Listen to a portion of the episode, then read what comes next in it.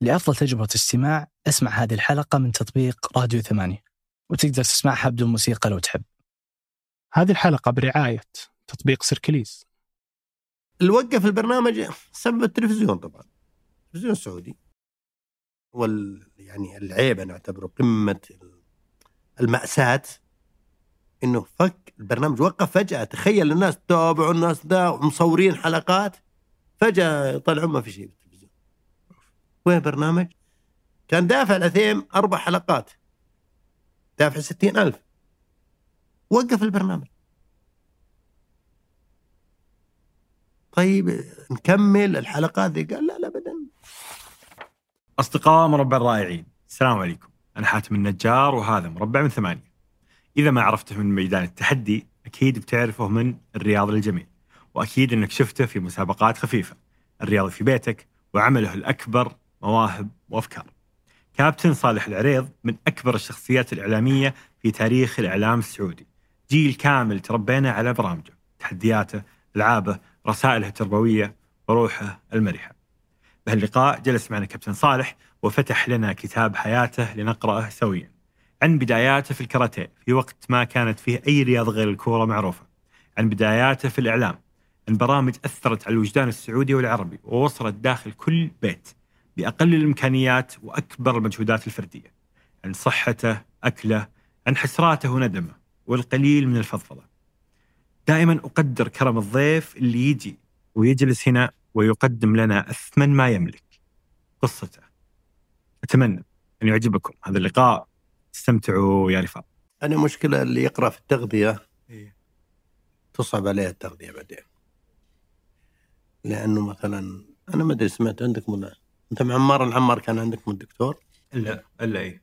في برنامج آخر فنجان إيه يعني كلام عمار طبعا أنا أعرفه من قبل ما أسمع من عمار يعني قضية ال- الخبز الدقيق الأبيض. أنا ألفت كتاب عن كبر البطن اسمه تخفيف كبر البطن يعني. ألفته قبل عشرين سنة. وكان كاتب من ضمنه في الكتاب إن السموم البيضاء ثلاثة. السكر الملح الدقيق الأبيض. الدقيق الأبيض آه، سم. الصناعات الغذائية في العالم بشكل عام الواحد لو دخل بالتفاصيل شوية يعرف إن في أشياء كثيرة كثيرة تضاف خطيرة. ما خلينا نقول الملح الصيني اللي يضاف في المطاعم الآن. مع إنه طبعا هيئة الغذاء والدواء قالوا إنه آه، النسبة هذه النسبة يعني ما تضر حتى أتكلم عن شيبس الأطفال الاندومي بالذات. المشكلة في الكميات والاستمرار يعني يأكلها الطفل باستمرار. شوف الآن إحنا إحنا دائما يعني مع احترامي الشديد بعض الناس يقول لك والله يا حاتم حاجات غريبة. يقول لك يا أخي ما ضر الأولين واللي يجيب لك عبارة يا أخي الإنسان ما يموت قبل يومه. من هذه العبارات الخطيرة جدا جدا جدا. ويقول يعني أنتم لا تخوفون الناس ترعبون الناس. يقول الأمور سهلات يعني. صحيح؟ لكن أنا واحد كان دائما يناقشوني. قلت أنت افتح باب الثلاجة وشوف كم علاج فيها. طيب بس. افتح باب الثلاجة بس. آه ثلاجة ثلاجتك كم علاج فيها؟ أنا؟ إيه. لله الحمد. أنا بالنسبة ثلاجتي أنا في علاج للأهل بس. أنا مالي شيء اللهم لك. الله. أنت ما ما تاخذ أي دواء؟ أبشرك أنا من يعني ولو أنه طبعا هذا يمكن يكون ما هو جيد أنا أحرص إني ما آخذ دواء إلا في الضرورة الضرورة الضرورة كيف ضرورة كم مرة؟ القصوى. بس يعني يعني أحاول سؤال- أعالج بالتغذية أعرف وش الإشكالية. مثلا نقص عندك بوتاسيوم نقص مثلا طبعا كل عرض هو المرض. يعني إذا خل... إذا طلع عندك عرض فهو إيش؟ مرض. إحنا وش نعالج؟ ما نعالج المرض نعالج العرض. يعني الحرارة. وش معنى الحرارة؟ أنا عندك مشكلة. اقوم أخذ دواء الحرارة. ما انتهت المشكلة. لا في لازم تعالج الأساس الأصل في القضية. آه سكر ضغط ما عندك. الحمد لله. يا ربي لك الحمد. هذه نعم. طب وش السر؟ السر قلت لك إني أنا حريص ولله الحمد في التغذية. طبعا رياضي سابق. مو معناه ما تعرضت لأمراض أنا تعرضت أنا تعرضت لثلاث قرح. يعني شيء كان مؤلم جدا ونزل وزني إلى تقريبا وصل إلى 54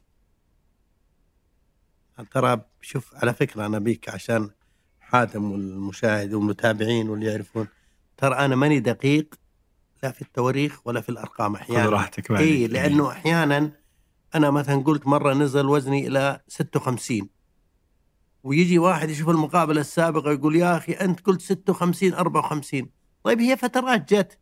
أنا نزلت 58 ثم 56 فيدقق على دي لا لا أنت قلت قبل كذا. ولا تاريخ. يعني في شغلات ما يعني مو مهمة. يعني تاريخ مثلا أخذنا المركز الأول في تونس على 90 برنامج. ما أدري هي ال- آه، كانت آه، ميلادي. أحيانا أخبط بالتاريخ. وبعض الناس يقول وارسل له الشهادة. يلا عشان يقتنع يا أخي. ما عليك ما عليك لا يقول يا ابن الحلال أنا نسيت التاريخ. المهم إنه هذا شيء مؤرخ بالجرائد كان في صحيفة الرياض وصحيفة الجزيرة ومجلة اليمامة وكان في طبعا آه، قصة على موضوع المركز الأول في تونس على برامج الأطفال.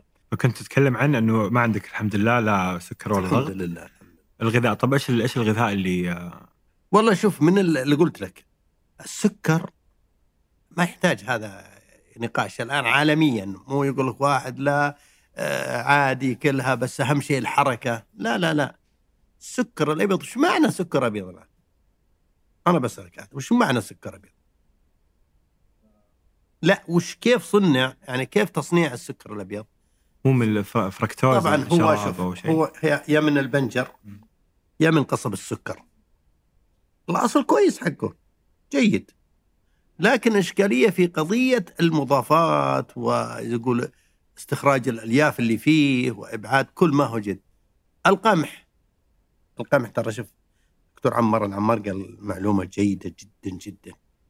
القمح إذا كان فيه تعديل وراثي إذا كان فيه طبعا تعرف لعب وما اللعب ذا اللي موجود في العالم بشكل عام إذا في تعديل هو ضرره أكثر من نفعه. أنا ما ترى في ناس متخصصين يتكلمون فيه. أنا أتكلم ليش تركته؟ لأني قرأت في قضية القمح. لذلك أنا من الناس اللي يأكل أنا بدون جلوتين. أنا ما آكل شيء مخبوزات حلويات. أنا محروم ترى. أنا أعتبر نفسي محروم محروم حرمان كبير. الناس تجيب أطباق من الحلويات وجلسات كل الناس تعرف حلويات. ولا آخذ منها. يمر علي أربع خمس أطباق في الجلسة ما أذوق منها واحدة. والحمد لله يعني أنا بقول لك أنا محروم في نظر الناس ولا هذا لكن لما المقابل أستمتع بصحة ونشاط والحمد لله إنسان ولله الحمد يعني يحس بأثر هذه التغذية الجيدة. إيش ليش تركته؟ ليش ما تركته؟ بعض الناس يقول خذ بشيء بسيط وما يضر. صح أنا ما يضر. بس أنا الحمد لله قادر إني أتركها كا- بالكامل فتركتها. يمكن إذا أخذت واحدة تغريك تأخذ الثانية تغريك الثالثة. وبعدين مجموعة بقول لك وهذه ترى غريبة يمكن ما حد قالها قبل. الحين تلقى القطعة مجموع فيها ثلاث أشياء ضارة. قطعة الحالة دي. مجموع فيها زيت مهدرج. أنت تعرف الزيت المهدرج؟ نعم وفيها سكر. لا. ودقيق أبيض. زيت مهدرج. وسكر ودقيق أبيض. كل هذه عليها ملاحظات. حط عليها كم إكس يعني. بس آه، يعني أنت تدري اللي ان اللي, اللي أنت سويته صعب جدا وحاله خاصة؟ صعب. صعب. أنت كأنك في معسكر. طيب الشخص العادي اللي بس يحاول إنه يكون صحي إيش يسوي؟ شوف أنا أعطي دائما الصحة 100 درجة. أنت تدخن راحت منك ست درجات. انت ما تمارس رياضة راحت منك ست درجات. انت انسان عندك هموم مشاكل وتغضب نزل ستة درجات. ابدأ نزل من الدرجات. والعكس صحيح يعني أنا صحيح مثلا واحد يدخن لكن يمارس رياضة. معناه مرتفع بالرياضة ست درجات صحيح منخفض بالتدخين ست درجات. لكن أفضل من الإنسان اللي يدخن ولا يمارس رياضة. في فرق. واحد تغذيته سيئة. أنا أنا بالنسبة لي ترى هذه ارقام ترى مو يعني لا هي عالمية ولا هي من جهة رسمية ولا دراسات. أنا قاعد أعطيك أرقام من عندي ترى. الرياضة أنا عندي مو الرياضة التغذية تنزلك أنا ترى أعطيتك الآن حاتم قدامي عنده 100 درجة. تقول لي تدخن؟ اقوم أنزل مكس ترى من عندي هذا ست درجات. تقول لي آه، تغذيتك تاكل أي شيء وفي أي وقت؟ في الليل وفي النهار أقول لك درجات أقل ينزل يعني أكثر لكن في تلقى أن بعض الناس ما شاء الله عنده جوانب إيجابية صحية مثلا عايش في مناطق مفتوحة وياخذ أكسجين 100% يختلف عن واحد عايش في منطقة تلوث ذاك ليش الطلوع للبر. والسياحه أحيانا وبعض المواقع الخاصه في الجنوب في الشمال وفي الطائف والناس تطلع للبر. وتكبد و... لا ذكرتني. ذكرت ترى شوف تصور هي.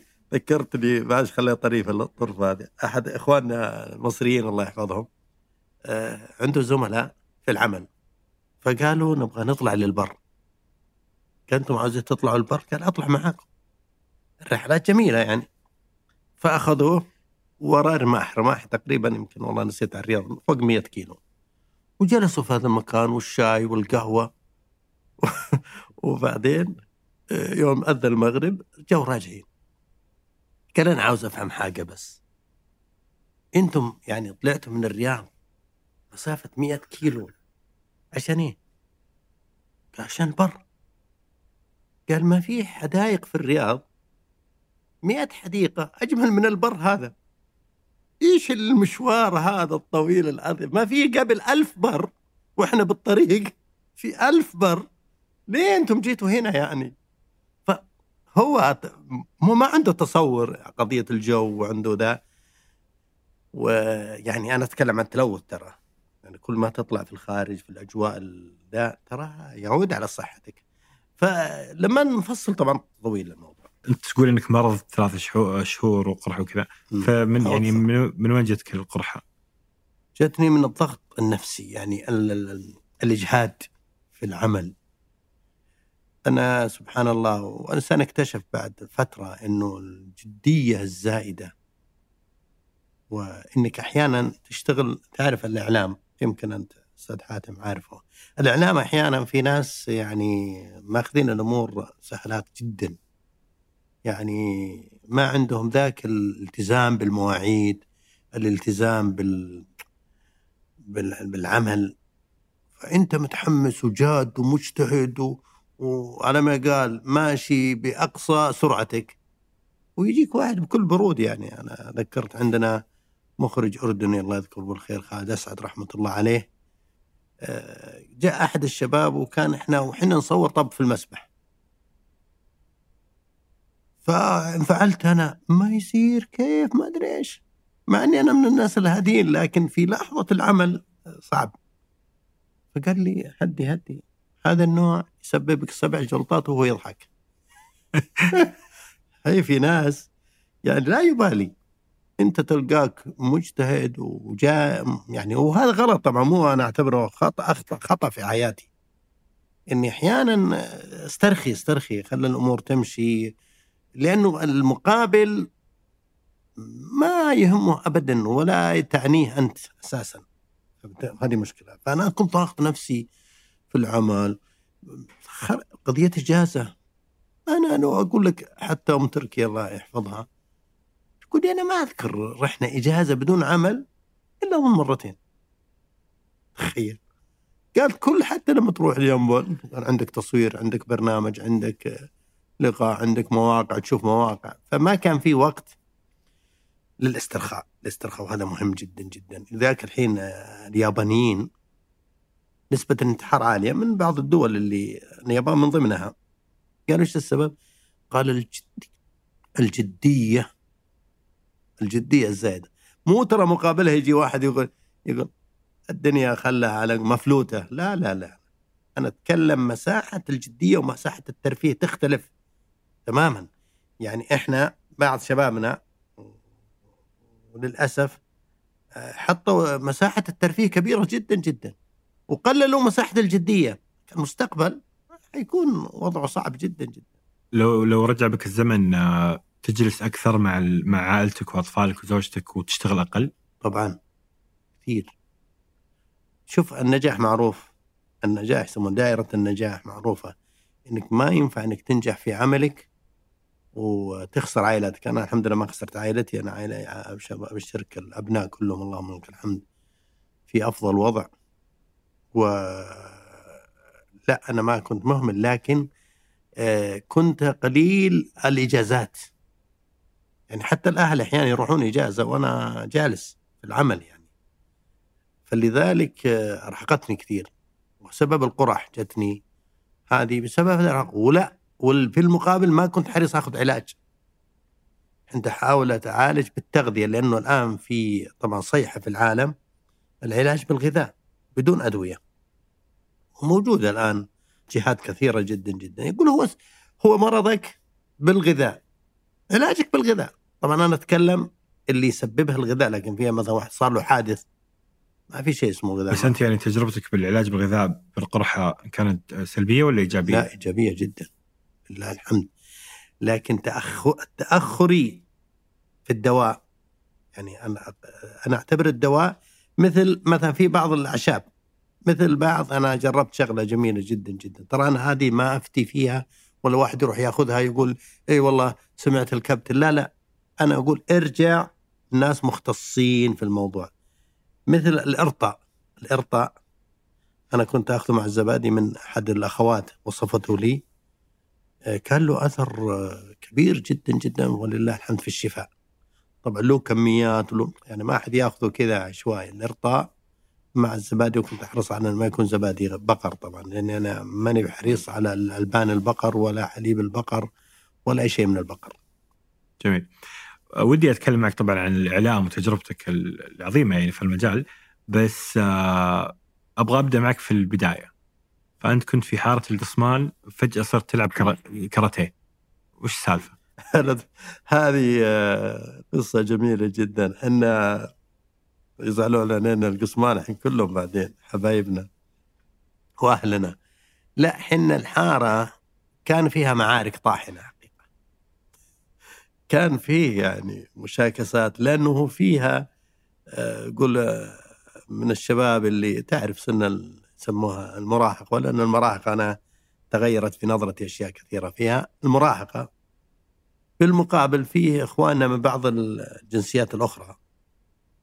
فكانت يعني حاولت إثبات يعني تعرف الشاب هو هذا الخطأ سابقا ما كان في شيء اسمه يثبت نفسه برياضة ولا يثبت نفسه في سباحة ولا يثبت نفسه في شيء جيد. كان إثبات النفس بالمضاربات.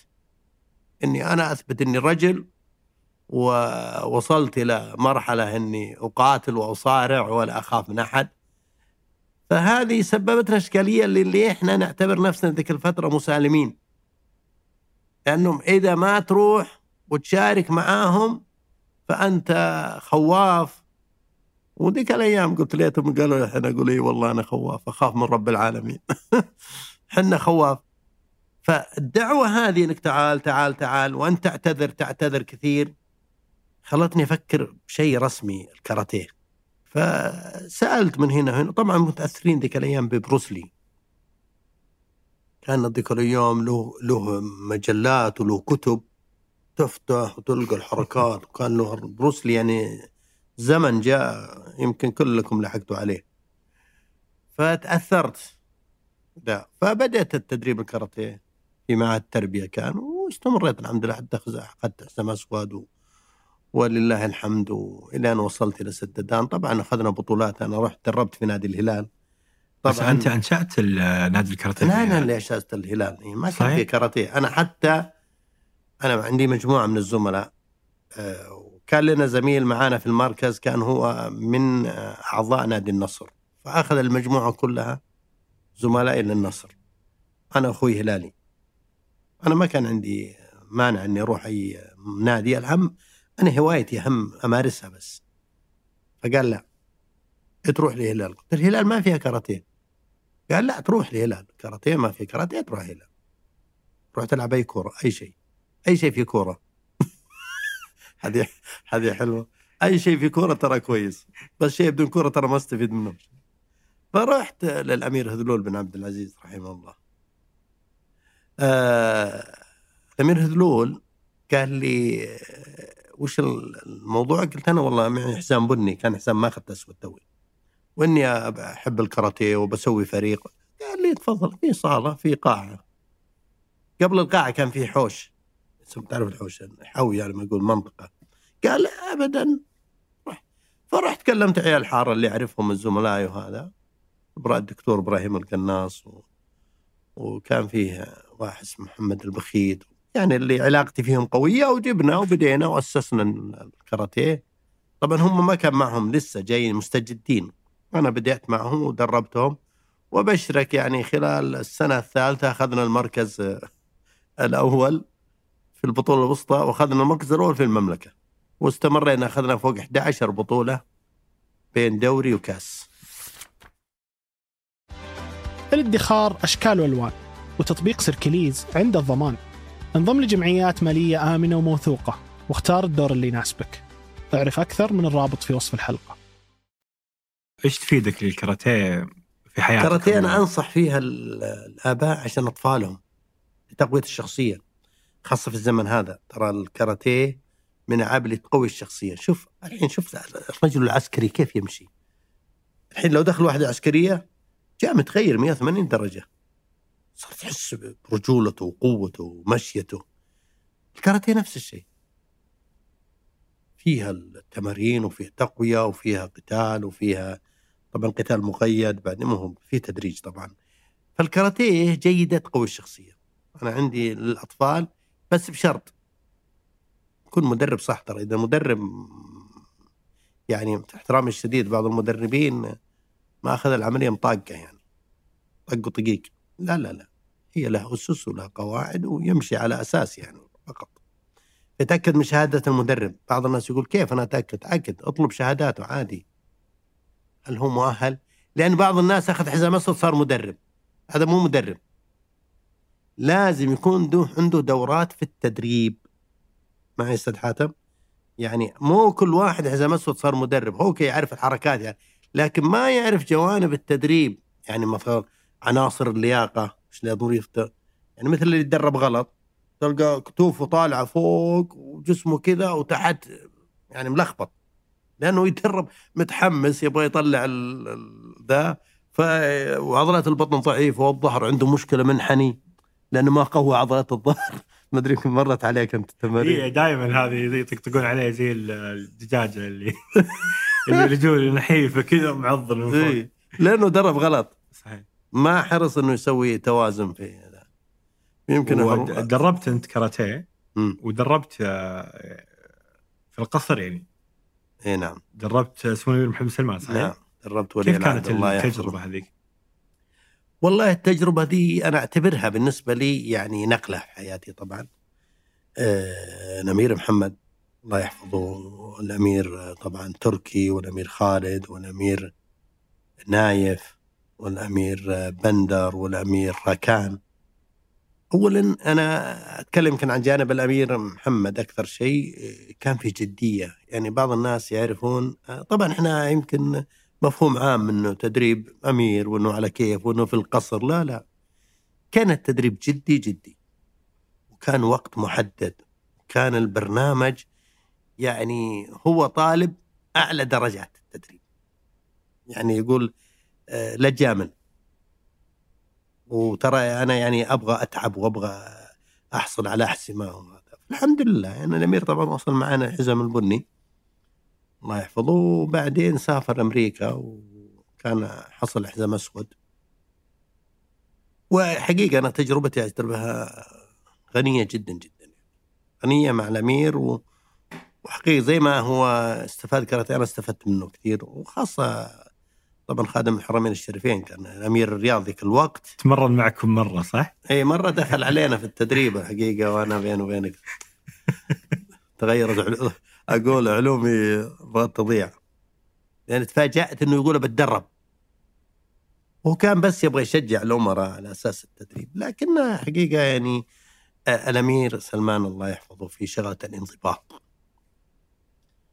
جدول جدول يعني ما فيش إذا جيت ست دقيقتين أنت تراك متأخر جدا. ستة ستة. يعني ما في. وقت وقت. العمل عمل. عجيب. إيش كانت نظرة المجتمع للرياضة في هذيك الفترة؟ الكاراتيه؟ للكاراتيه والرياضة بشكل عام. لا كانت النظرة كرة قدم. كانت الناس ما تعرف إلا كرة قدم كرة قدم. وإحنا حقيقة تضررنا أنا يوم كنت حتى في نادي الهلال أعتبر تضررت من كرة القدم لأنه ال... كل الميزانيات وكل شيء لكرة القدم. فإحنا كنا ترى ألعاب فردية كنا نعيش ألم يعني. حس ال... الاهتمام والإعلام والمادة كلها لكرة القدم.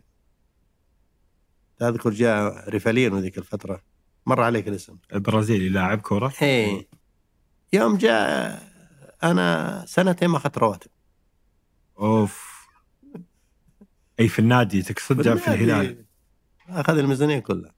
يا ساتر. في الرياضات الأخرى؟ بعد عاد بعد سنتين كان الأمير عبد الله بن سعد الله يرحمه ويسكنه في سيح الجنات ويغفر له.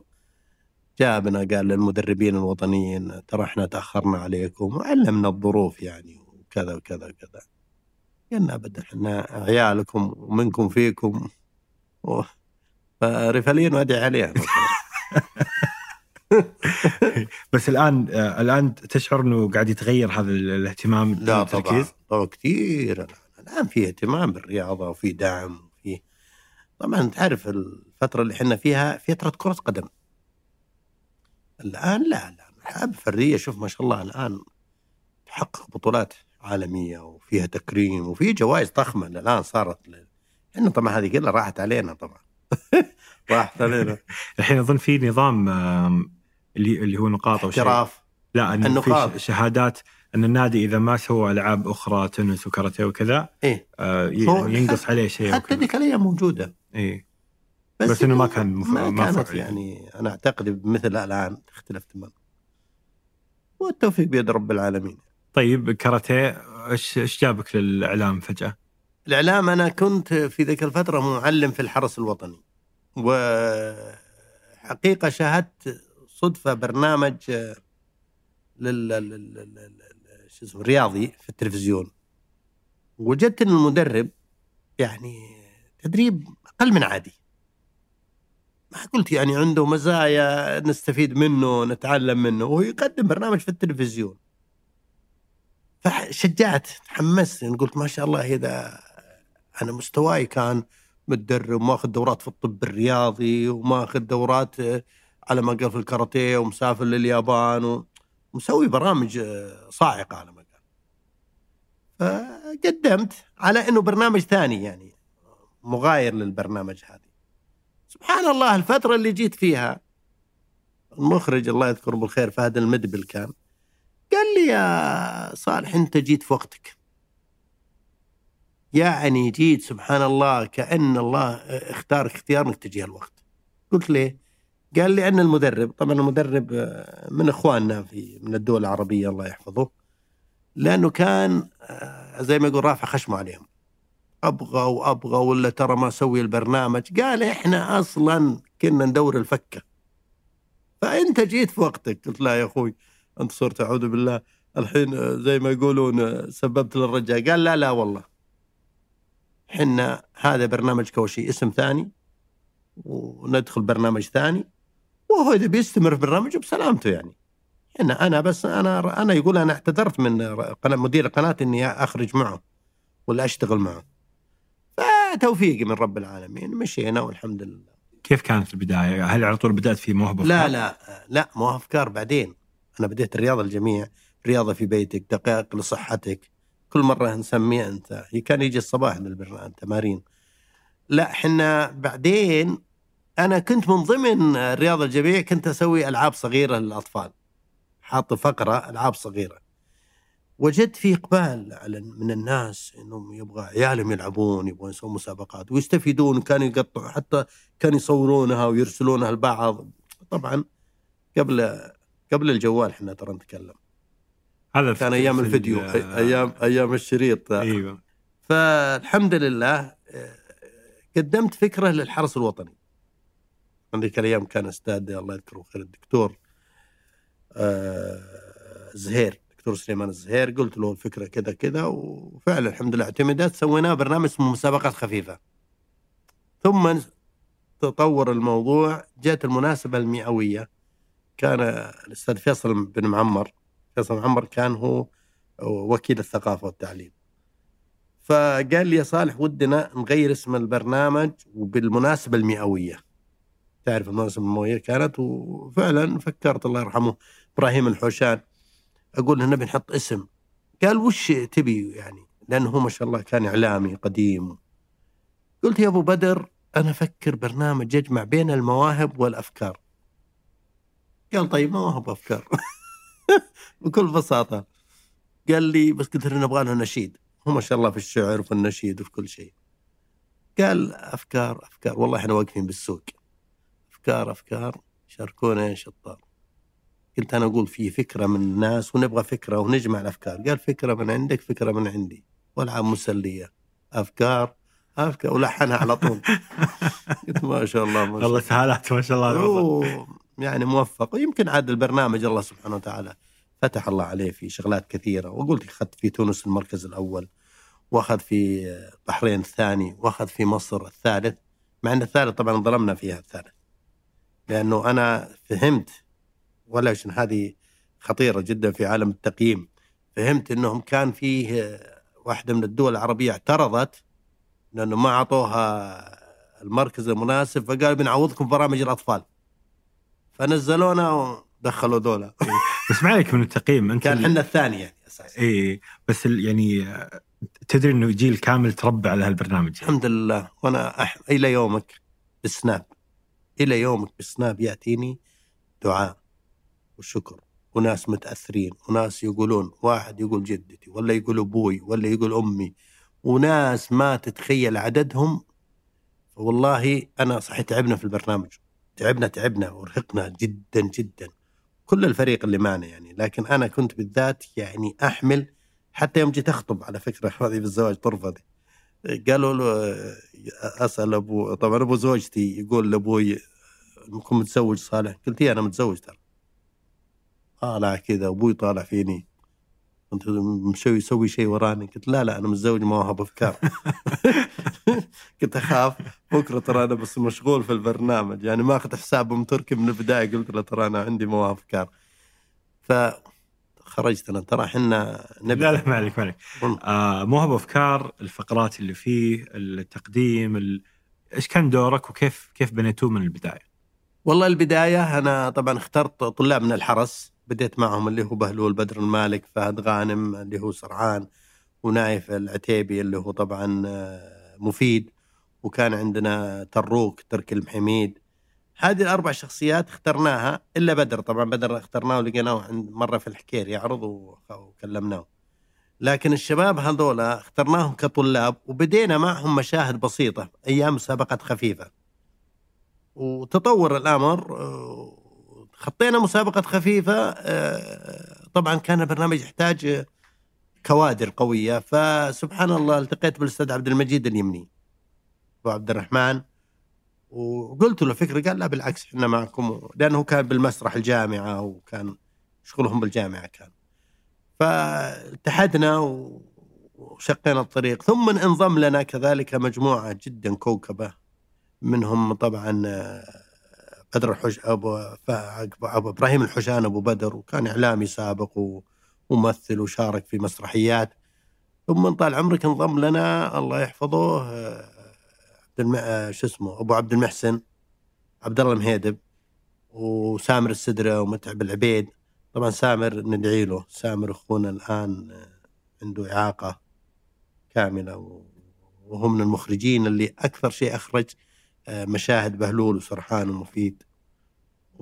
وندعي له والله وندعي له. وأنا حقيقة أنادي من خلال هاللقاء يعني إنه طبعا هو الآن سامر أبو سعود الله يح- يحفظه يعني أول شيء كان في وزارة المياه وكان مع يعني قبل قبل مواهب أفكار. له جهود كبيرة جدا جدا. والآن والله حتى يعني وضعه الجلوس جالس يعني يحتاج عربية ويحتاج حتى كلمني قبل فترة صار بيننا الاتصال على إنه يحتاج سيارة عشان تعرف السيارة حقت. المعاقين وهذه. فأنا قلت سبحان الله جت بالبال الفكرة يعني هذه. فمثل هذا إحنا نزوره أو فيها معه لكن نحتاج مثل هذه لعل أحد الجهات الرسمية هذا مثلا تتبنى هذا الرجل الله يحفظك دعوة يعني وكان مهندس من كبار المهندسين في وزارة المياه. ال- ال- البرنامج كيف كنتوا تخططوا له؟ كيف كانت الكتابة؟ حكينا عن العمل في في تصميم الحلقات والفقرات والله. العمل طقه والحقها تعرف طقه والحقها أول ما كان لا في تخطيط ولا شيء أنا يجيني فكرة أجمع الشباب ونقعد عليها نسوي بروفات بروفات بروفات عليها ثم نصور. المسابقات كنت الحمد لله مطلع عندي كتب مسابقات وألعاب كبيرة جدا جدا حتى عندي يابانية وعندي أجنبية وكنت بعضها بالصورة أشوف الصورة أعرف. بعدين بديت أترجم لكن كنت بالصور اناظر وبعدين ميزة أنا استفدت كثير وهذه أتمنى كل واحد يتخصص في الأطفال ينتبه لها. استفدت من الأطفال نفسهم. أنا لما أطبق معهم اللعبة. يعني في ناس كثير يسألوني ليه مواهب وأفكار؟ يعني خلى الطفل يتكلم. ليه؟ أن- يعني كانت. أنت تعرف البرامج الأطفال كان يسأل شو اسمك؟ كم عمرك؟ عنده أه، تحب أمك تحب أبوك؟ أه، عندك نشيد. كان هذه برامج الأطفال كذا. لكن حنا دخلنا في حوارات مع الأطفال وأشياء طريفة وبدأ يتكلمون. فكان سؤالي أسأل. دائما يجيني هذا السؤال يقول لي كيف يعني؟ استطعت خليت الطفل يتكلم. قلت لأني أنا بعدت عن الرسمية. شفت أنتم الآن يا أستاذ حاتم؟ أنتم ما عندكم رسميات. مأخذين الأمور بساط أحمد يعني لما يقول سواليف. كان أنا نفس الشيء. أجيب الأطفال أجلس معاهم. ونسولف ونلعب ونضحك و... تخيل هذا مجهود طبعا. يمكن نحتاج أحيانا ساعة ونجيب لهم عصير ونجيب لهم ألعاب ونضحك أنا وياه فإذا دخل التصوير يدخل بيني وبينه صداقة.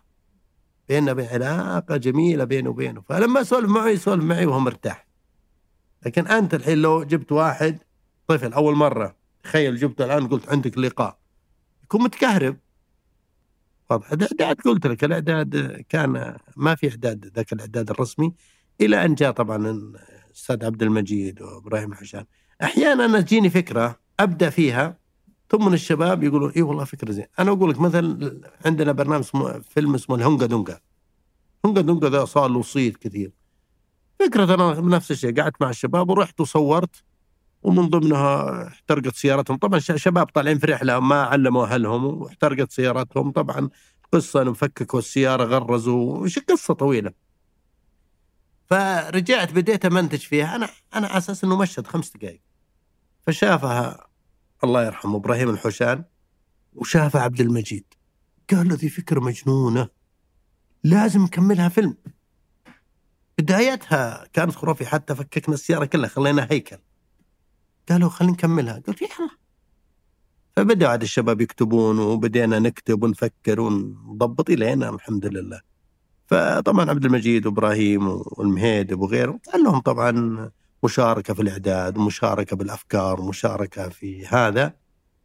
لكن تجد الفكرة أحيانا هي فكرة بسيطة. لكن إذا جاء ناس آه، معك شاركوك طبعا أي فكرة الإنسان لحاله حتكون فكرة عادية. لكن إذا شاركك مجموعة ف- ف- عقول طورت. متى بدأت تشعر بأثر البرنامج؟ من أثر يعني مع الجمهور؟ إنه وصل للناس إنه صار في من البداية يعني ولا لا لا وقت؟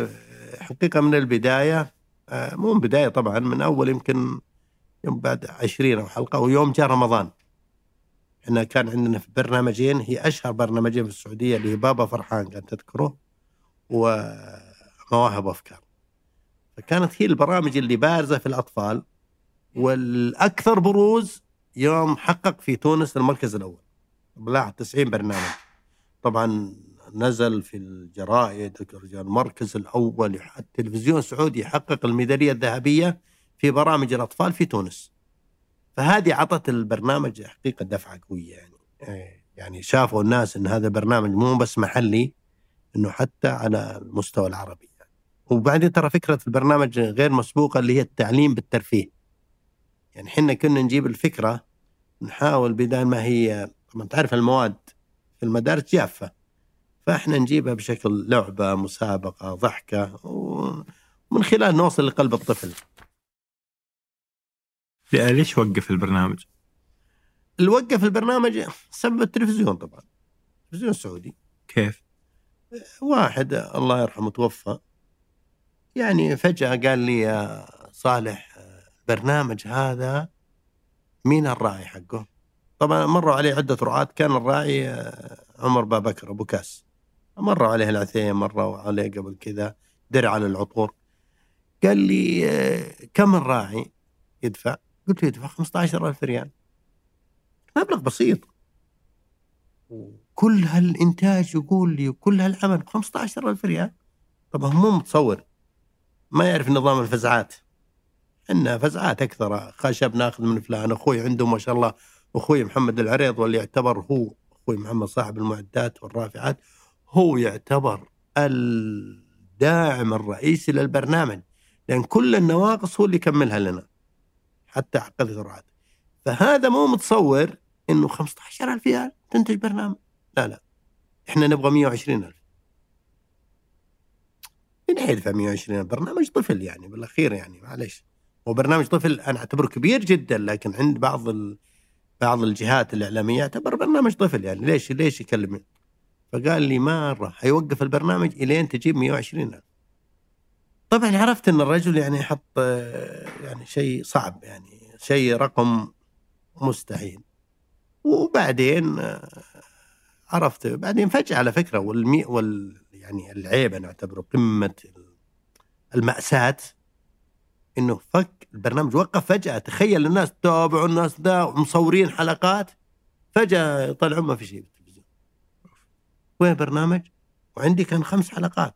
حتى ذيك الأيام يعني كان الله يذكره بالخير. اي كان لا كان خلصنا من عمر أبو بكر وكان مع ابدانا رجعنا مرة ثانية عثيم كان دافع العثيم أربع حلقات.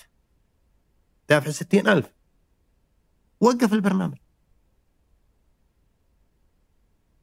طيب نكمل الحلقات ذي؟ قال لا لا ابدا. 120 ألف على الطاولة هنا.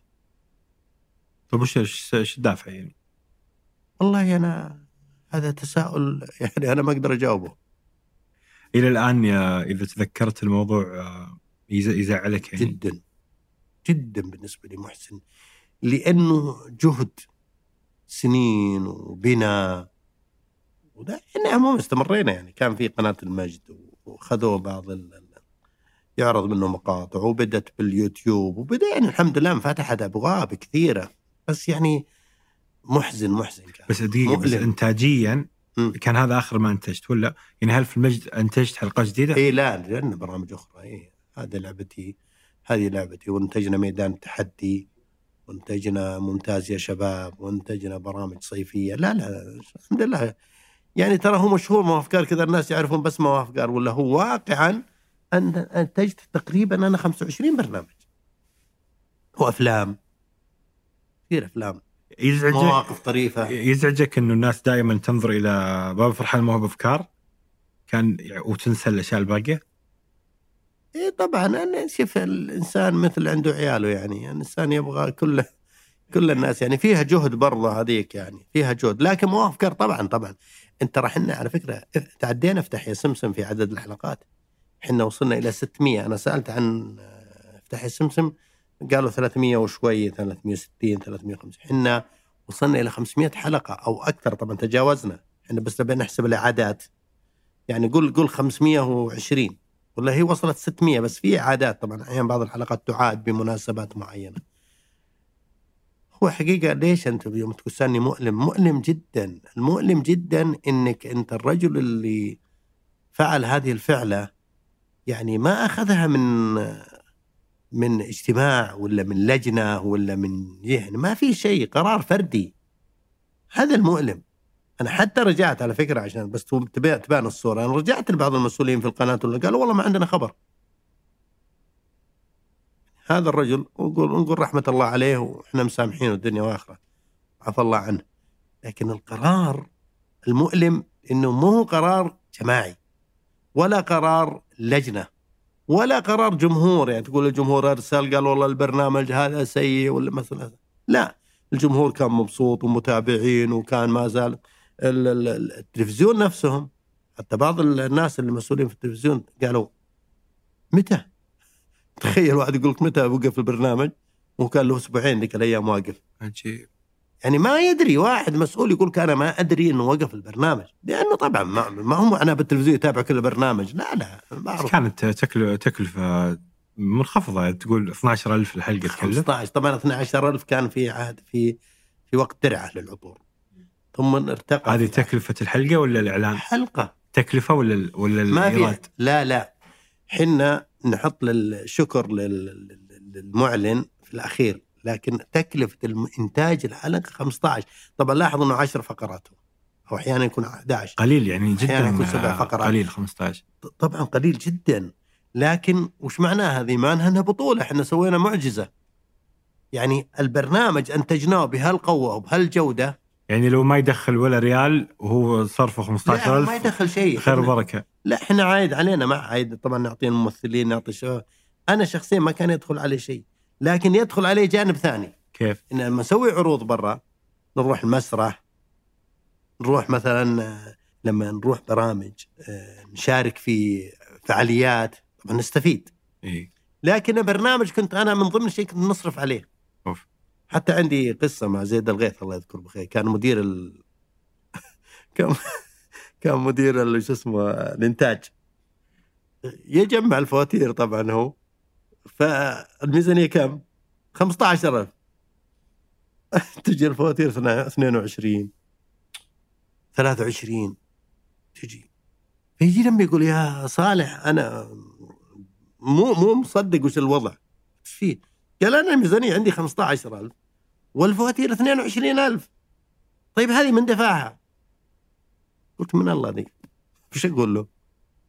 في حاجات ندفعها غصبا عننا انت 18 سنة قعدت وكان هذا الوضع؟ لا. لا طبعا أنا قلت لك يوم بدينا نسوي عروض وهذا صار عندنا دخل. يعني ما عندي مشكلة لو دفعت من جيبي لأنه أنا صار عندي دخول أخرى يعني. لكن في الفترة ذي جتنا فترة حنا ندفع ولا في دخل. اي بس تدري ليش؟ لأنه شوف ترى هذا هذا اللي سبب القرحات وسبب المشاكل. لأن إحنا كنا من حماسنا للبرنامج ما نبي البرنامج يوقف.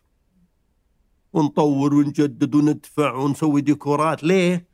لأنه تعرف إن القضية الحين منافسة. فلو وقف البرنامج على طول حيدخل مك- مكانه برنامج آخر. وأنا ما أذكر كلمة للدكتور علي النجا يعني حتى بعض الأخوات في التلفزيون كان عندهم ملاحظة يقول لي إيش البرنامج ماخذ الوقت الذهبي وماخذ ذي؟ يقول حنا عندنا برامج يعني. فناداني الدكتور علي الله يذكره بالخير. قال لي آه، صالح فيه آه، بعض الأخوات اللي عندهم برامج يعني معترضين عليك ويقولوا كذا كذا. أنت وإيش رأيك؟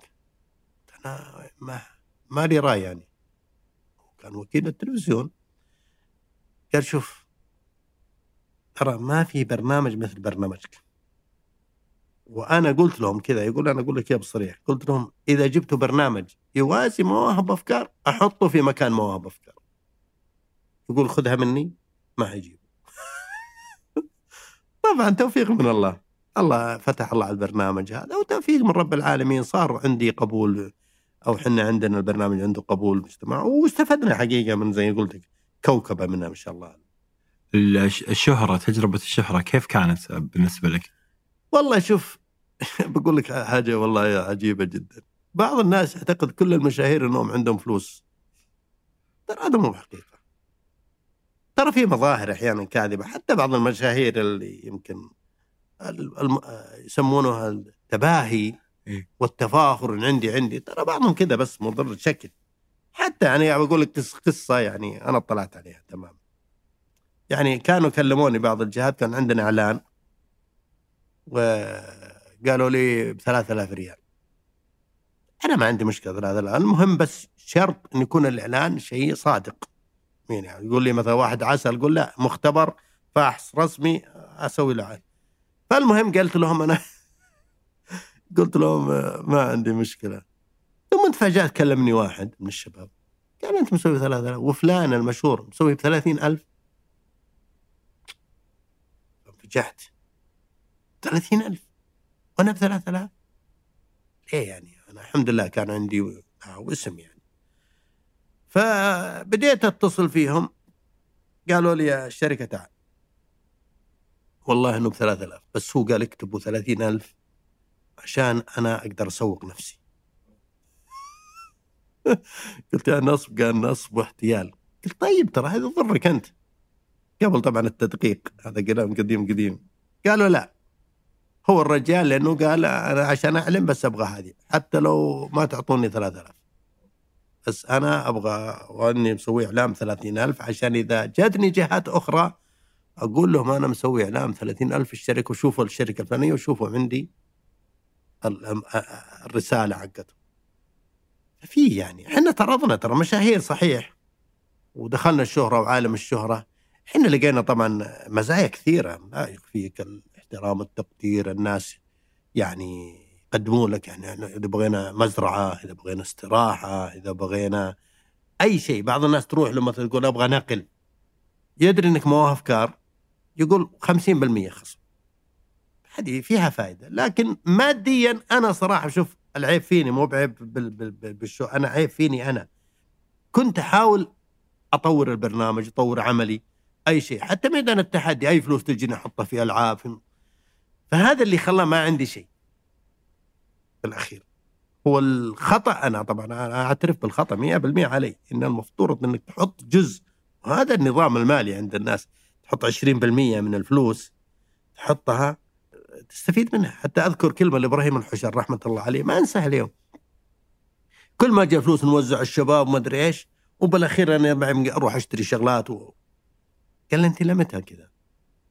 قلت يا أخي نأسس. قال 20 سنة تأسس يا صالح. الله يرحم 20 سنة تأسس. لا يا أخوي يكفي تأسيس. نأسس قلت نأسس إحنا نأسس. إيه. 20 سنة تأسس يكفي خلاص. آه هذا الجانب الماني طبعا. الجانب الأخرى هل آه لما تطلع الشارع من من البداية إلى الآن أكيد يعني يسعدك إن الناس تعرفك في الشارع يزعجك أحيانا والله أحيانا كيف التجربة؟ كيف ال... تختلف تختلف يا حاتم تختلف تماما. في أيام آه تنبسط تسعد إن الناس تسلم عليك وفي أيام لا إزعاج. كيف؟ مثلا معك الأهل وعندك ارتباط ولا أحيانا يجي واحد يعني في بعض الناس الله يهديه يعني والله يسامحهم. يعني أنا مرة طالع من المسجد وقابلني واحد أهلا. أنا طالع مسجد وهو كان مسجد في السوق. فقال جابك رب العالمين. قلت آمر. قال أبي تمارين للبطن قلت خذ رقمي. اتصل فيني. قال لا لا لا وين رقمك؟ أنا ما صدقت مسكتك. وشو ضب يا أخوي. قال لي الآن أبي تعطيني تمارين ومع المشكلة يا عياله. فقلت له كلمني. أنا عندي نادي. قال لا لا لا لا لا أترك. الا قلت يعني تبغاني انسدح هنا الآن وأسوي لك تمارين يعني مو مناسب. قال لا عطني بس علمني بس. ترى هذه النوعية تجي تحصل يعني أحيانا. يجيك أحيانا واحد يلزمك بشيء وقضية السلف والفلوس هم يحسبون عندك ذا ولو تقول له ما عندي وضعي كذا كذا أنا تعرضت لنصب احتيال مالي مثلا. وجتني فترة صار لي يجي تقول له ما يصدق. شلون أنت يا صالح معقوله؟ يعني بالأخير يكذبك يقول لا لا لا عندك. يعني بالأخير يعني ففي أحيانا ضغط نفسي على الإنسان وأنا مشكلتي حساس وأنا أنصح أي واحد حساس يا جماعة المشكلة الحساسية الزايدة وإنه يضيق صدري. في ناس لا يبالي. أنا أتمنى إن عندي هالشخصية. يجي واحد يتكلم ولا واحد يقول لك أنا أحد يرسل لي رسالة الآن يقول لي يا صالح أنا أبغى منك المبلغ الفلاني أقول والله ما عندي كيف ما عندك ما أدري إيش. أتأثر. والله أحيانا ما انام الليل. أتأثر خاصة في رسائل قاسية. يعني ما انام الليل وعلى فكرة هذا سوى لي توتر نفسي. يعني أنا جتني فترة من الفترات وصل النوم عندي لساعتين يعني أجلس يعني أرتاح على السرير يمكن حوالي أربع خمس ساعات عشان أنام. ثم أنام ساعتين ما أدري لا اذن الفجر. متخيل المؤلم. وأجلس بعد الصلاة فترة. ورحت وسألت وبديت أسأل بعض المختصين حتى في علم النفس قال لي صالح أنت عندك توتر عالي توتر عالي قلق عالي فتحتاج إلى استرخاء تحتاج إجازات تحتاج ترتاح. ترى في اسمه نمط شخصيه اسمه بصري عملي ترى هذا اللي حريص ودقيق وجيب وما أدري إيش. مو التفصيلي طبعا لا هذا اسمه بصري عملي يبغى بسرعة ولازم تنفذ وتلقى إنجازاته كثيرة ومثلي أنا وعمل ونشاطاته كثيرة هذا بيتعب ترى يتعب كثير إذا كبر يتعب يتعب كثير في إرهاق. شوف اللي يسترخي. أنا أعرف أحد زملائي في الإعلام وهو عنده برنامج في عز البرنامج بنا مقفل جواله رايح المدينة قاعد أسبوعين. وإحنا نتصل وينه ونكلم أهله؟ قالوا والله ما ندري عنه. بعد أسبوعين يجي بكل برود. إيش عندكم؟ قلنا ابن حلال توقفنا الشغل. ما قال يا عمي أنا حسيت إني قلق ومتوتر بريح بسترخي قلت يا ليتني مثله. ليتني عرفت الطريقة. أسطورة والله أسطورة الروقان والله أسطورة. والله اني اني بس شوف الحين ما شاء الله أنا أعرف لازم إلى الآن. اجت قرحه هذا ولا ما جت قرحه؟ لا لا. ما قرحه مرة مرة. ما شاء الله تبارك الله. ما شاء من أحسن ما يكون. ما شاء الله. الله يديم عليه يا رب. الحين ما شاء الله عنده استراحة ومزرعة ومسبح ولا ولا يروح لحد عنده مجلس في الاستراحة كل يجي. ما يروح لحد مرتاح هو في في بيئته مرة خلاص. وترك الإعلام من زمان. ودع قال لي الإعلام ما يصلح لي أنا. لا بسترخي خلاص برتاح. كيف ال- الأجيال أنت كنا نتكلم قبل فترة عن فرق ال- الطفوله برامج الطفوله وكذا عن السابق والان فالأطفال اللي كنت أنت معهم في ما هو بأفكار هم أظن جيل التسعينات يمكن 85 إلى 95 كيف كنت تشوف هذاك الجيل وكيف تشوف الجيل الحالي؟ والله تعرف القيم الآن صار فيها اهتزاز. القيم الآن شوف إهمال الأطفال في قضية الـ social media هي مأساة. يعني ما كانت موجودة ذيك الأيام. ما كان الطفل طبعا محدد يشوف التلفزيون يشوف برامج معينة. الآن الطفل يفتح على الدنيا كلها. فاختلف التفكير. الحين التركيز الحين المعلمين الله يعين المعلمين والمعلمات يعانون كثير في الشرح. يعانون كثير مع أطفال. التركيز والتشتت والتذكر صار ضعيف. أنا أسوي تجارب مع أطفال. يعني كم مرة أقول بعد نهاية اليوم الدراسي تخيل أقول عطني معلومتين ثلاثة درستها اليوم. أما طبعا هذه عينة ما نعتبرها يعني شيء لا في ناس ما شاء الله. يقول مثل أقول أي مادة درستها اليوم؟ أعطني أي معلومة أنا ما أبغى أحدد لك. مثلا في الرياضيات. يقول اخذنا في الرياضيات الكسور. ممتاز. ذاكرتك ممتازة. وش اخذته في الكسور؟ قال ما أدري والله. فما في. يعني أنت ترجع للجيل التسعينات آه، شوف التذكر وذا. طبعا شوف الـ social media له جوانب أخرى في قضية الإبداع والأفكار. يعطي أفكار أعلى ويعطي إبداع أكبر لكن في نفس الوقت يصير التعلم التعلم صعب. يعني هالجيل هذا تخيل لما يوصل الجامعة كيف حيعاني من قضية التذكر والتركيز مع الدكتور. خاصة المحاضرة يبغى لها أبحاث ودراسات. آه يعني بس هل دائما إحنا دائما نقول الجيل الحالي أو الجيل الأولين؟ وأنت لما كنت طفل أكيد إنه كان يقال نفس الكلام. هل تحس هي نفسها ولا إنه هذا فعلا الجيل صار في تغير بسبب لا لا في تغير تغير تغير كبير. طبعا ترى في جانب إيجابية يعني. كمعرفة كمعارف كعلوم. طبعا الجيل هذا أقوى. أقوى مئة مرة من الجيل كمعارف كعلم. لكن وش تستفيد؟ أنت أنت يعني معلش تخصصك الآن خلينا نقول تخصصك مثلا فيزياء. وش تستفيد من معلومة مثلا البحر الميت والبحر الم... ال- ال- ال- يقول البحر الميت والبحر ال- الأسود والبحر. يعني في معلومات عامة تلقى أكثر من معلومات الدراسية عنده. المعلومة ال- ال- الأشياء اللي يتعلمها تلقى العلم حقه اللي متخصص فيه لا شيء. وتلقى عنده معارف وعلوم في الدنيا كلها يعرف معلومات عن كوكب مدري إيش ويعرف هناك اللاعب الأمريكي اللي ما أدري إيش ويعرف كلب طاح له في يقول آه، في حفره وما قعد ثلاث أيام ما طلعوه. طيب أنت أنت ركز الآن أنت في مرحلة تعلم ركز على علم على تعلم تخصصك الحين اليابانيين عجيبين أنا رحت اليابان كم مرة الياباني لو تساله في أي معلومة يقول لك أشهر لاعب في اليابان تسأل واحد ياباني أقول له أنا قلت آه، سمعت عنه هذا قلت له قلت أنا قلت سالته من هو أشهر لاعب؟ قال له فلان قلت له تعرفه؟ قال لا من هو ذا؟ قلت هذا أشهر لاعب يعني دولي ما أدري حق لعبة كذا زي التنس. قلت له قال لي أنا أول مرة أسمع اسمه. مركزين في شغلهم. طبعا مو اليابانيين معنا لا اليابانيين مركزين زيادة عن اللزوم. يعني صار عندهم ذا شكلنا نطولنا شيء لا لا خذ راحتك أبد. لا زين. شوي. إيه، عليك وان طفشتك أنا. لا لا والله بالعكس يا حاتم والله اللقاء معك جميل جدا. الله يعطيك ممتع. الله يعطيك العافية. وأنت قاعد أنا أفضفض ترى يعني. ترى ناحية نفسية خذ راحتك أنا قاعد الحين أسترخي أنا محتاج أفضفض. خذ راحتك. إيه بس أخاف أفضفض هذا زيادة. أخاف نخربها بعدين. أسلم. طيب كيف ممكن برامج الأطفال تحل هذه المشكلة؟ ما تحلها. ما ما لها دور تربوي طيب برامج الا الأطفال؟ الدور تعليمي. شوف القيم ممارسة وليست مشاهدة. الحين الصلاة أرجع لك للصلاة. ليه؟ مروهم بالصلاة بسبع ضربوهم لا مروهم من سبع.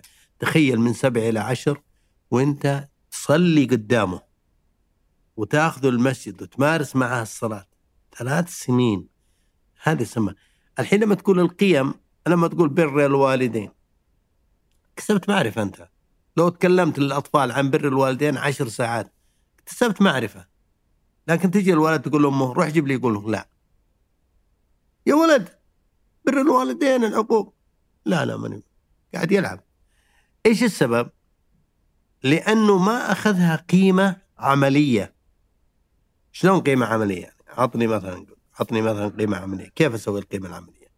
القيمة العملية إنك تمارس معه هذا الشيء ممارسة أول شيء أحيانا علاقة بيني وبين ولدي علاقة حادة علاقة قاسية فهذه يحطنا لا أنا لازم هنا أحتاج يعني زي ما يقولوا يحتاج عنده نقص في الحاجات الأساسية الطفل مثل الحب والتقدير. أنت ما تقدره ولا تعطيه احترام مهما سمع من معارف ما تنفعه. هو إذا ما شافك أنت كذلك مشاهدة إنه قدوة له. يعني واحد يقول له يا تلعب الجوال ساعتين والاب من الصبح إلى الليل وهم بالجوال. ما مثل اللي يدخن مثلا يقول ولده لا تدخن فيها صعوبة. لذلك مهما سمعت عن أضرار التدخين وخطر التدخين تخيل أنت قاعد تسمع ساعتين محاضرة عن التدخين وتجي عند أبوك في البيت وهو يدخن. طبعا الاب اللي يدخن واللي آه، آه، جاء ابتلاء يعني لا يدخن أمام أطفاله. لا يدخن أمام أطفاله. هو طبعا يدخن يدخن. زي ما يقول هو إنسان أعلم بمصلحة نفسه لكن ما يدخن ابدا قدام الأطفال. يعني يصير شيء محرم عنده وقانون إني أنا مستحيل أدخن. حتى بعض الأباء وأنا أعرفهم إذا سافر تخيل يسافر يومين ثلاثة ما يدخن. يعني ما يدخن ما يدخن قصدي أمام أطفاله. عارف السفر إنه مع بعض. إيه ما يدخن ابدا مع الاطفال فالقيم ممارسة. لذلك إحنا عندنا برامج كذا لما تقول قضية الحب مثلا الحب. لما تعطي الطفل إحنا سويناها بالنادي أعطينا كل واحد وردة مثلا أو زهره قلنا روح اعطي اليوم لأمك. يوم ثاني قلنا روح قل لأمك يا بعد عمري يا قلبي يا حبيبي. شوف. أبى أقول لك مقطع عندنا في اليوتيوب. تخيل إن طفل كلم أبوه يبكي. شلون؟ شلون يبكي؟ مو كل يوم يشوف أبوه. قلنا له بالتليفون إحنا كان مقطع. قلنا قل يبا أنا أحبك. أنا يبا ما أستغني عنك. أعطيناه كم كلمة. مو طفل واحد يمكن المقطع لو اوريك يمكن أربعة خمسة بكى يبكي يبكي. قال له أبوك وأنا أحبك يا ولدي وأنا أغليك يا ولدي. تخيل يا حاتم دم بدأت تنزل دموع. إحنا مصورين هذه على فكرة. ما السبب أنت؟ أنا بسألك ليه؟ مو كل يوم يشوفوه ما في تبادل حب. لذلك الأقرع بن حابس رضي الله عنه لما قال لي عشرة من الأبناء ما قبلت أحدا منهم. أو فيما معنى الحديث قال وما أصنع لك. إن كان الله قد نزع الرحمة من قلبك أو قال في الحديث كما قيل من لا يرحم لا يرحم. اعتبر إن عدم تقبيل القسوة ما في. أعلن حبك في البيت. أعلن. شو معنى أعلن حبك؟ الرسول صلى الله عليه وسلم يوم جاء ذاك الرجل قال يا رسول الله اني احب هذا. قال أعلمته؟ قال لا. قال قم فأعلمه. ليه؟ أعلن حبك. يقول بس عيالي يعرفون اني أحبهم. لا لا. ما يعرفون إلا تكلمت. لأن عاد واحد من طريف يقول لي قبل يقول لي يا صالح ابونا قاسين وضربونا وجلدونا وما شفنا إلا العافية. قلت يا حبيبي أنت تعرف أحيانا أبوك يضربك وأنت عارف إنه يحبك لأنك يجي بالليل يحط يده على جبهتك ويقرأ عليك الأذكار وذا أبوك تعرف من بعض تصرفاته إنه يحبك. لذلك حتى المعلم الآن اللي يعاقب أحيانا طبعا قديم قديم الكلام ما في موجود الان يضرب. بعض الطلاب إذا جاء بيتخرج يقول له الطالب المعلم سامحني قال له ضربك زي العسل. ليه؟ لأنه يشعر بالحب يشعر إن هذا يحبه في حب. لكن تكون قاسي وشديد وإهانة وصراخ وزعق. طول النهار ثم تقول ما خلاص. وعلى فكرة يعني هذا رسالة للاباء والأمهات. ترى الولد الصغير يجمع عليك بعدين. إذا كبر وصل سن المراهقه قال حبيبي تعال ها, ها الحين أبغى أوريك الشغل. فأنت ليه؟ خلي في جانب الحب. افصل السلوك عن الذات. هذه دائما آه، كل علماء التربية في العالم يقولون أنت أنت أقدرك. أنت يا حاتم على رأسي. أنت محترم. أنت غالي علي. لكن فعلك ما أرضى. هذا فعلك فعلك ما أسمح فيه. لكن أنت والله والله فوق رأسي. وترى أنا أقدرك وأعرف ذكائك وأعرف إن هذا أنت أنت نفسك ما أنت براضي عن الفعل. صار الآن؟ أنا فصلت السلوك عن الذات يعني فهمته الآن إنه ترى أنا ما عندي مشكلة معك أنا عندي مشكلة مع فعلك فهمت؟ مشكلتي مع فعلك مو مشكلة معك هذه النقطة يعني ترى شوف الموضوع بحر أتكلم بالتربية ممكن أحتاج ثلاث ساعات والله موضوع طويل أنا أحط في المحاور نصائح في في التربية لأنك أنت دائما في السناب تتكلم عن التربية. طبعا آه، ليش إيش سبب هذا الاهتمام؟ اهتمام إني قرأت في التربية كثير، سمعت محاضرات كثير، أمر ثاني أنا عايشت التربية. يعني لو بالله واحد الان من الشباب ذا بدأ يتكلم عن الطفل ومراحل الطفل وخصائص نمو الطفل، أنا بسال واحد من الشباب هنا. ثم تزوج وجاء طفل. طبعا اللي ما اللي ما عنده طفل تزوج. كل النظريات حتتغير. لأنه هذيك أخذها من كتب ومعلومات لكن لما عايش الطفل أنا عايشت كنت عايش الاطفال وأروح. يعني شوف إحنا عندنا بعطيك معلومة. أنا كان عندي نادي سابقا. كان الطفل الطفل يجي عندي في في النادي أعرف وش البيت اللي وش, وش مشكلته في البيت. أعرف إذا أبوي صارخ ولا امه تصارخ وأعرف الولد هذا إذا أهله محترمين الصلاة. وأعرف هذا الولد إذا عنده يعني معلش يسمونه آه، مشكلة يعني.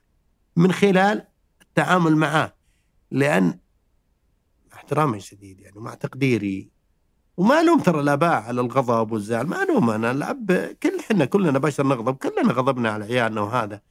بس اعتذر عوض. يا في اعتذار. الرسول صلى الله عليه وسلم مع عبد الله بن سواد صحابي جليل في غزوة بدر والموقف كان صعب جدا جدا لما أخذ عودا أو قضيبا وطبعا دفعه في بطنه. قال اوجعتني يا رسول الله. قال اقتص مني عطاء رسول الله. إيش حنا بالنسبة للرسول صلى الله عليه وسلم؟ يا أخي اعتذر.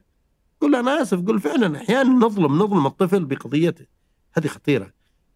نعاقبه عقاب أكثر من اللي يستحق. أنا جيت في لحظة غضب جاي من العمل حالتي نفسية ذا لقيته مثلا أمه قالت فلان سوى كذا كذا. قمت ضربته. يقولون عندنا مثل ضربته حق السنة بيوم. عرفت؟ قلت هذه الضربة إن شاء الله لستة شهور قدام. ما يجوز. حرام. هذا ظلم. لازم العقاب يكون والعقاب ما هو ضرب. في ستين عقاب قبل ما تضرب. ليش انتصم رمضان؟ فالقسوة القسوة نتائجها وخيمة. لا تقول لي أنا أمي وأبوي كانوا يضربوني ويجلدوني. الزمن اختلف كانت هذيك الأيام الولد إذا طلع وهذه عبارة عجيبة يعني يطلع يلقى خاله يضرب عياله يطلع يلقى عمه يضرب عياله يعني صار الوضع طبيعي. لكن الآن يطلع لعمه يلقى والله عمه ما شاء الله مدلل عياله ولا يضربهم معطيهم جوالات يروح لفلان يحس إنه غلط هو إن في بيته غلط. لكن أول في تربية جماعية. شلون تربية جماعية؟ أنت كنت يا حاتم مع زملائك واحد بيسوي غلط تقول لا لا ليه؟ أول كل يربي الجد والجار وإمام المسجد وعمتك وخالتك وزملائك. زملائك أحيانا يقول ترى غلط ما نسمح ليه؟ لأنه الجو كله جو آه، واضح. الآن لا. الآن تجد ستين واحد يدلك يبي يوديك على ذا أنت ما اتكلم عن جميع البيئات عشان بس ما تعمم. في بيئات الحمد لله إلى الآن بيئات جدا جدا نظيفة وشباب ما شاء الله وآباء. الآن ترى على فكرة عشان بس ما تؤخذ علي الكلمة دي. الآن تغيروا ناس كثير في التربية بسبب التوعية. الحين ما شاء الله في مجموعة من المربين مثل الاستاذ ياسر حسيمي مثل مصطفى أبو السعد مثل إبراهيم الخليفي مثل يعني أنا أعرف إنه يعني أثروا بشكل كبير جدا جدا على مفاهيم وغيروا قناعات كثيرة بالنسبة للآباء والأمهات، طبعا في أسماء كثيرة في التربية ليست عشرات. في طبعا أسماء أجنبية كثيرة جدا لكن طبعا عشان ما نطبق ترى الأجنبية أحيانا تختلف عن بيئتنا. ال- التربية الحديثة في ناس تخاف من التربية الحديثة أنها بتصير النقيض للتربية التقليدية أو كذا أنها بتصير فيها دلع زايد أنها بتصير فيها رعاية زايدة أن الطفل بيصير ما عنده تجربة حياتية وكذا. فكيف كيف توازن بين القسوة والدلع الزايد؟ نفس الشيء الدلع هذا أخطر شيء. التدليع الطفل أنا أعتبره أخطر أخطر كثير كثير من القسوة. لأن هذا لا يتحمل مسؤولية طفل يعني يسقط في أول ذا وأحيانا الطفل هذا يكون عشان يوصل لغاياته يسوي كل الطرق يغش يعني يلف ويدور حتى لو صار موظف بكرة يبغى يوصل بأي طريقة لأنه وجد إن الحياة سهلة. جد إنه يقدر ياخذ أي شيء بسهولة. لأنه ما يعرف. الحين بعض الآباء ما شاء الله عليهم ما شاء الله يحفظهم. يعني تلقى إذا حتى الطفل اللي يبغى حاجة يعني أنا أذكر أحد الآباء آه، إذا أبوه طلب ولده طلب دراجة قال له صل ركعتين قال له أبوي الدراجة في المحل وفلوس معك. قال لي يا حبيبي بس أدعى الله. هالركعتين أذكر أحد الآباء أعطى أولاده درس حلو. قالوا نبي على عشرة قال غسلوا السيارة. قاموا غسلوا السيارة. يوم أعطاهم العشرة ما أدري كانوا بيشترون شيء. قال لي روح اشتروا. قال لا لا. هونوا. حسوا إن العشرة دي جت جت بجهد. أول همها من فلوس أبوه. ما عنده مشكلة. ففي كثير ابشرك تو وعي كبير الآن من الآباء والأمهات الحمد لله. وصلوا إلى الآن. يعني يوم تقول الدلال نرجع بس للدلال. الدلال الزائد أو تقول التربية الحديثة إحنا طبعا نقول في جوانب من التربية الحديثة جيدة وفي اشياء ما بصحيحة. يعني المبالغات اللي يقول لك مثلا قبل أبنائك باليوم 20 مرة. فاضي. تظنهم 15 مرة. لا في عاد ترى زودوها. واحد عليه أنا أنا عندي ولدي عمر الله يحفظه عمر طويل يمكن أطول مني شوية. فأحد الاباء ارسل لي رسالة كنت أتكلم عن تقبيل الأبناء وإنه لا إنك تمسح عليه على ظهره الطبطب يعني ترى مهمة جدا جدا لأنه هذا هذه حاجة ماسة كما قال الرسول صلى الله عليه وسلم. في قضية يوم ارتحله ابنه الحسن أو الحسين كان ساجدا فارتحله. فأطال الرسول عليه الصلاة والسلام في السجود. واحد من الصحابة رفع رأسه. المهم بالأخير اهتدى الرسول. بعد الصلاة قال بمعنى حديث الرسول إن ابني ارتحنني. أنا طولت فيكم عشان هذا ارتحني. وتركته بمعنى الحديث حتى يقضي حاجته. اعتبر إن اللعب حاجة. حرمان الطفل من اللعب؟ مشكلة. قل لا الجدية؟ مشكلة. قضية. قضية التعامل مع الأبناء. قد يكون المشكلة من عندك أنت كأب ولا أم. ما له علاقة الطفل في الموضوع. أنت مسبب المشكلة. أنت مسبب آه، القضية. أنت تسبب آه، إن الولد هذا سوى الفعل هذا. زي لا تكذب. ترى في سن يعتبر الكذب بالنسبة للطفل ما هو كذب. يتخيل يقول لك يحلم بالليل يقول لك والله أنا أمس ضربت ثلاثة وجلدتهم. تكذب يا كذاب؟ قل له والله يبغى ضربتهم بالمدرسة. هو شاف حلم بالليل بس هو ما عاد يفرق صغير جدا فما عاد يفرق الحلم من ذا والخيالات عنده واسعة فما يعرف الطفل أصلا خلقة الطفل ما يعرف الكذب. إلا إذا دربته بقوة إنه يكذب اللعب والتسلية وكذا جزء منه حتى الم- المشاهدة يعني وهي يمكن أكثر شيء موجود الآن. إنه نتفرج على برامج وكرتون ومدري وهذه الأشياء. هل هل آه، في مشكلة ثقافية في المحتوى اللي يشوفون الأطفال التسليه؟ جدا جدا جدا خليني أقول لك باباي باباي هذه أنا أسوأ شخصية كرتونية مرت على التلفزيونات العربية ليه؟ ليش؟ يدخن يعني يد- بس سب- سبانخ يدخن لا لا لا يدخن يدخن يطلع دخان إي صح الـ pipe هذا الـ pipe. وسبانخ و pipe صح, صح. إيه وبعدين قصة السبانخ أنا كما فهمت يعني من آه، بعض المقاطع السبانخ أصلا هذه شركة عالمية كانت بتسوق السبانخ وضبطت الموضوع. ف وبعدين في تشويه لصورة ال- الإنسان الملتحي مثلا. كيف؟ اللي كان اللي الخصم حقه أيوه. كان دائما يعني كان فيها رسائل وفي أشياء كثيرة. ترى مو بس باباي كل أفلام الكرتون يعني العنف اللي موجود في تومي جيري تومي جيري. في عنف وضرب وضبيب بعدين الصغير الفار يدمر القط. يعني إحنا شخصية القط عندنا بالنسبة لنا كمسلمين هي شخصية المحبوبة هي الشخصية اللطيفة هي الشخصية هذا. فما تأثير يعني قلب يسمونه تغيير المفاهيم أحيانا. في أشياء يمكن رسائل الآن بعد ظهر أعظم وأعظم يا أستاذ حاتم. ظهر الآن أشياء إيحاءات جنسية ظهر أشياء الآن عقائدية ظهر شغلات خطيرة جدا جدا. فطبعا بعض القنوات يعني أحترمها جدا جدا اللي هم يحاولون ينظفون المحتوى. ينزلون بعيد اللي يحسون فيه لأن عندهم رقابة جيدة. في بعض التلفزيونات يعني يحذفون المقاطع اللي يحسون إنها تؤثر على الطفل وهذا. وللأسف يعني أنا والله هالشيء مؤلم إنه ما جاء الشركات يعني فعلا عربية جيدة جدا. طبعا في بس أنا أقول ما جت يعني بمستوى هذه الأعمال يعني. فالفيلم كرتون مؤثر. البركة فيكم. آه، مو هو بافكار آه، قد يعود؟ نعم حنا على فكرة. حنا طرحنا فكرة الحصان الحكيم. حنا أول من ابتكر شخصية الحصان الحكيم. كان عبد الله مهيدب وعبد المجيد اليمني كان يعني آه، عدوا لكن فكرة الحصان كانت فكرتي أنا. فكرة الحصان الحكيم فكرتي. كانت الحصان الحكيم فكرته أنه شخصية جميلة. أول شيء الحصان شخصية يعني محبوبة شخصية عربية. قبل ذلك شخصية إسلامية. فيها مزايا كثيرة. وزي ما يسوون يحطوا لك الفار جميل ولا القط ولا أي حيوان يسوونه جميل. الفيلم كرتون يقدر يضبط لك حصان شكله كذا حليل و... وزي ما يقول مقبول. ويكون هو الشخصية الرئيسية. قدمنا بس ترى مكلفة جدا. ولا في جهات يعني ترى على فكرة يعني بعض الجهات الإعلامية ما يشوفوا المبلغ مكلف مكلف. يقول ما أبغى غامر أنا يا صالح. مع إنك تقول ترى هذا ممكن يعني يضرب ضربة مو سهلة.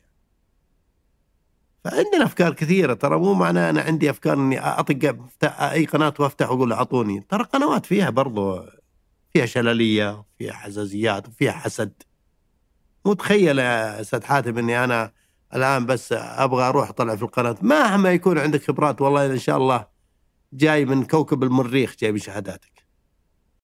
وخلاص بتروح القنوات يقول لك أهلا وسهلا. لا لا لا لا. قد يكون هالقناة والجمهور كله يبيك وفي واحد لأن اسمك ما عجبه.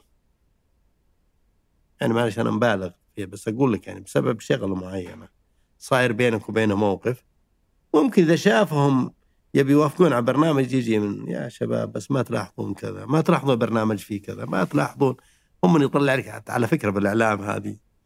هذه لعبة بعض الإعلاميين. إذا حاتم بضيعه أعطيه في 60 ملاحظة. سهل. يجي حاتم مقدم برنامج وتعبان فيه وفكره جديدة لا لا بس. برنامج قديم هذا أصلا. لا هذا بس تدري إن حاتم عليه ملاحظات. تدري. ويرموا بي اتهام ويرموا بي شيء. وذولاك يخافون. تعرف شيء إعلامي؟ آه لا يا شيخ. بالله كذا خلاص يا عمي. نصرف الرجال. لا جد جدا. نتكلم ترى ما نتكلم على قناة معينة عشان ما يفهم الناس. إيه. نتكلم بشكل وهالكلام دائما اسمعه أنا ما أدري عن ال- الإعلام القديم ولا التلفزيون. ما أدري كيف يشتغل. بس دائما أسمع نفس هذا الكلام في الرياضي وفي القنوات ال- الكبرى. شلالية. شلليه ويطلع طبعاً، واحد يقول طبعاً، طبعاً، يعني برامج. ناجحة توقف. دائما اللي يسمع الكلام. كل واحد يخدم الثاني بطريقة من تحت للأسف يعني أنا أتمنى اللي يقيم عادة الجمهور اللي يقيم فيه استبانات رسمية مو أنت واحد يعني يدخل يطلع فيك يعني معلش احترامي الشديد أنا أتكلم معلش اخذتك مثل عفوا يعني. أنا أي مثل لواحد إعلامي يجي مهما مهما مهما عندك من فكرة خارقة. أنا أقول لك صدق أي إعلامي يستطيع ينتقدها ويطل ينزلها في الحضيض ويستطيع يرفعها. وحتى لو عندك فكرة عادية جدا يستطيع يرفعها أنا أذكر بعض البرامج يعني. أنا أذكر شوف أحيانا ذكاء. في أذكر واحد بالقناه الأولى الله يذكره مدير القناه الأولى. جاء واحد عنده برنامج وقال هذا البرنامج برنامج عادي يعني جدا. برنامج شعبي كان. قال هذا البرنامج وهذه الرسائل. طبعا أيام الرسائل من الرسائل ما أدري إيش. قال لي تلعب علي. يا رجال نص الرسائل مرسلينها أخوانك وربعك وجماعتك. تشغلنا بس.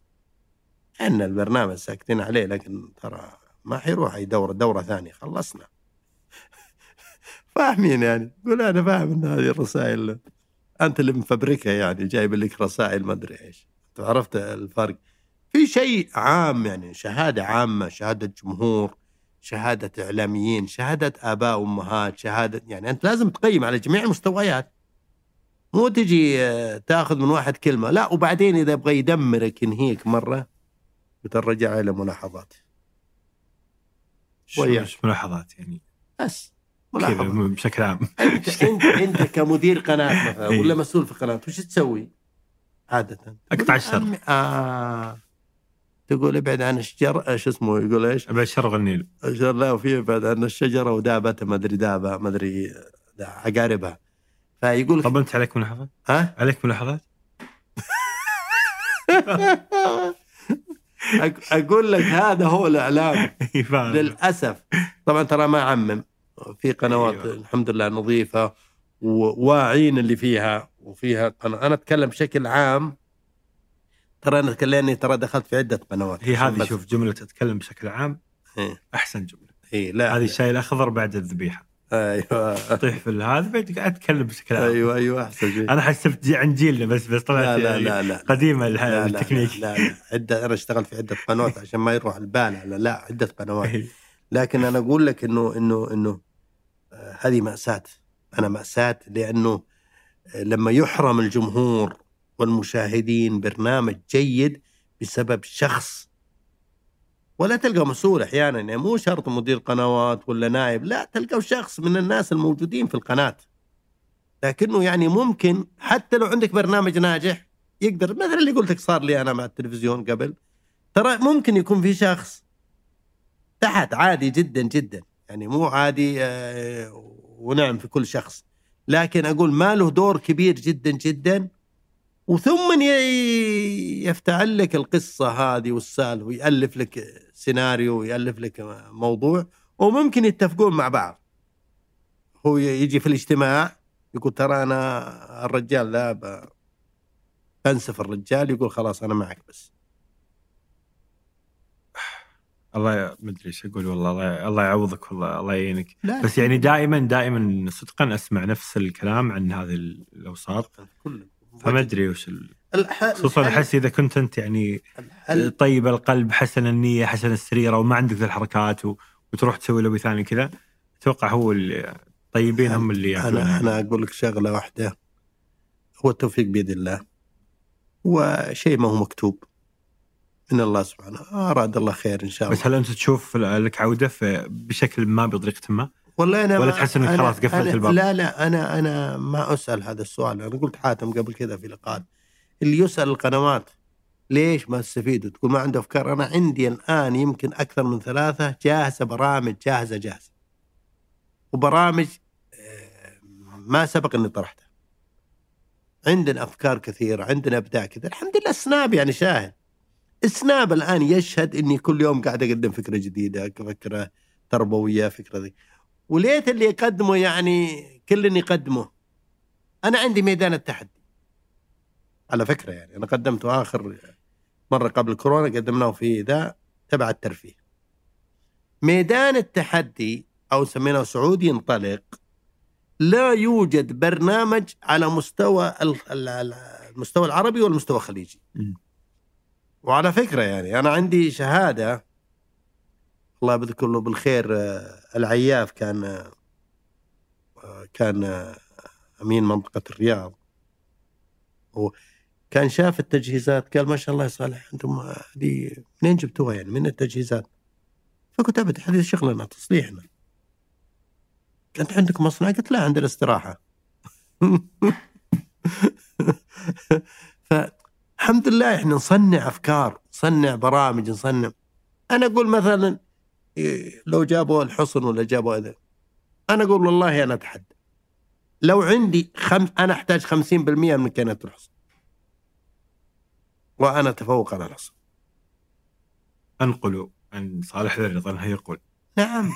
لا هذه حقيقة يعني. أنا ما أتكلم ترى خبرة ما هي سهلة. أكيد أكيد نعم. سنين وإحنا طلعنا من الأرض على فكرة. إحنا طلعنا من تحت يعني. ما جينا مثلا فجأة واحد اكتشفنا ولا ما شاء الله يعني عندي شغلة معينة ولا واسطة وطلعت. إحنا حفرنا بالأرض حفر. إحنا بدينا من الصفر والصفر الصفر الصفر طولنا في الصفر بعد. يعطيك العافية والله. شرفتنا. شكرا لك يا حاتم وأنا سعيد في هذا اللقاء وجميل جدا جدا إن الواحد يعني يقدم ما لديه من خبرات وخاصة الحمد لله عندنا خبرات تراكمية طويلة الحمد لله. وما زال الحمد لله الحماس موجود وما زال لدينا الكثير والكثير من البرامج. الانسان مو اذا كبر بالعمر بعض الناس يعتقد يقول خلاص واحد يقول كم عمرك؟ قال واحد عمري آه، سبعين. قال لي حدي الآن عايش. يعني بعض الناس يبغاك يعني ترى سؤال العمر أنا أنا ما جاوب عليه عموما ترى دائما. ولا أحب أحد يقول الإنسان أنت كم عمرك؟ فإذا قال له لا. قال لا يعني كأنه كأنه عيب. لا هذه بالعكس صار عنده من الخبرة. والخبرة العملية والخبرة النظرية والخبرة المعرفية شيء شيء كبير جدا. شكرا لكم. الله يعطيك العافية. نورت. والسلام عليكم. شكرا لكم. وشكرا لفريق مربع العظيم. عمل على إنتاج هذه الحلقة عبد الكريم العدواني في الإعداد في التصوير عبد الرحمن العطاس في التسجيل والهندسة الصوتية يوسف إبراهيم في التحرير عدي عيسى وجميل عبد الأحد. في التلوين عبد المجيد العطاس وفي الإنتاج أيمن خالد. في إدارة محتوى التواصل الاجتماعي نور السبيعي. فيعطيهم العافية جميعا. وإلى أن نلقاكم الأسبوع المقبل بإذن الله. كونوا بخير.